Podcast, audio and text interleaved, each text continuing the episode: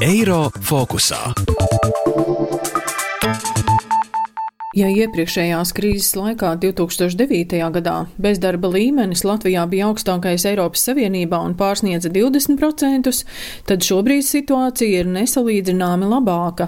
Ekonomikas ministrijas analītikas dienesta vecākais ekonomists Normons Ozols stāsta, ka par 9,3% samazinājies vidējais nostrādāto stundu skaits. Piemēram, tādās nozarēs kā ēdināšanas, izmitināšanas nozars šīs noslodzes samazinājums bija vērams gandrīz par 60%. 20%. Viena daļa, protams, nosedz pašu uzņēmēju, bet daļai arī atbalsts deva valsts programmas. Tā skaitā dīkstāvs pabalsts, kas faktiski mīkstināja to pandēmijas tiešo ietekmi uz nodarbinātību. Nodarbinātības valsts aģentūras klientu apkalpošanas nodeļas vadītāja Sabīna Dzerkala stāsta, ka pērn jūnijā reģistrētais bezdarbs palielinājās līdz 8,6%. Līdz oktobrim tas samazinājās par 1,2%, bet decembra beigās bezdarba līmenis atkal atkal palielinājās līdz 7,6%.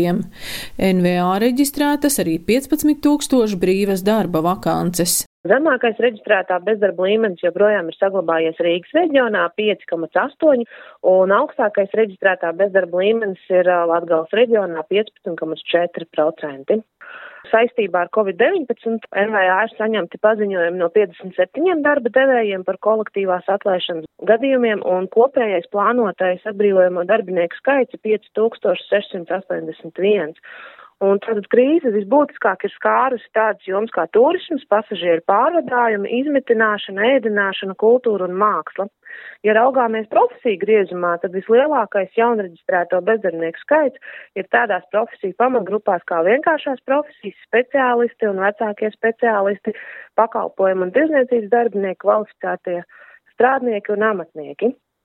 Savukārt šobrīd aktuālo vakanšu skaits ir nedaudz vairāk kā 15 tūkstoši. Un visvairāk brīvās darba vietas reģistrētas tādās darbības jomās kā būvniecība, nekustamais īpašums, ražošana, transports un loģistika, pakalpojumi. Un darba devēja decembra laikā ir reģistrējuši 3099 jaunas vakances.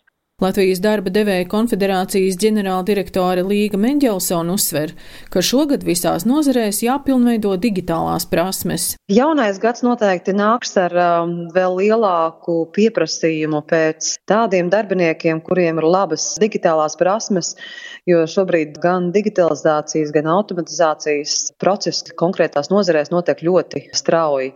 Pats laiks piespiež ieviest jaunas tehnoloģijas. Un tā ietekmē, protams, pieaug pieprasījums pēc darbiniekiem, kas var strādāt ar šīm tehnoloģijām. Joprojām ļoti daudz nozares arī izjūt pieprasījumu gan zinātnes, tehniskos pakalpojumus, kas ir saistīti ar inovācijām. Līdz ar to jauniešiem, skolniekiem noteikti ir vērts mācīties priekšmetus, kas ir fizika, matemātika, ķīmija, bioloģija, kuri gan tuvākajā nākotnē, gan tālākajā nākotnē būs joprojām ļoti, ļoti pieprasīti. Ekonomikas ministrijas analītikas dienesta vecākais ekonomists Normons Ozols vērtē, ka darba tirgu šogad pozitīvi ietekmēs gan Covid vakcīnas pieejamība, gan papildus finanšu līdzekļi no Eiropas atvesļošanas plāna.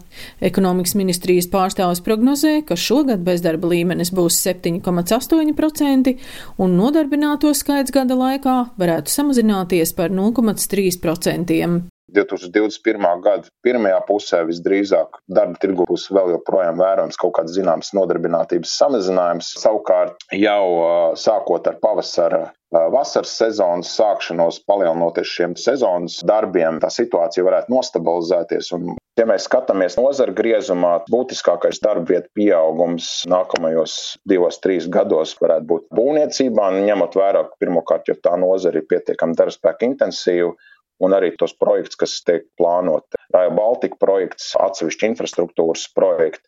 Otra nozara, kur varētu būt nodarbinātības pieaugums, tā ir apstrādes rūpniecība. Ņemot vērā to labvēlīgo iznākumu, kas ir saistīts ar Brexit procesu, Un visbeidzot, pieaugums arī varētu būt vērams atsevišķās komercpakalpojumu sektora nozarēs, profesionāli zinātnēs, tehniskie pakalpojumi un informācijas un komunikācijas tehnoloģija nozars, ņemot vērā, ka tautsēmniecības struktūra mainās, nu visdrīzāk arī šeit pieprasījums saglabāsies salīdzinoši augsts. Ekonomikas ministrijas prognoze - bezdarba un nodarbinātības rādītāji 2019. gada līmenī varētu atgriezties tikai 2022. gada beigās vai 2023. gada sākumā.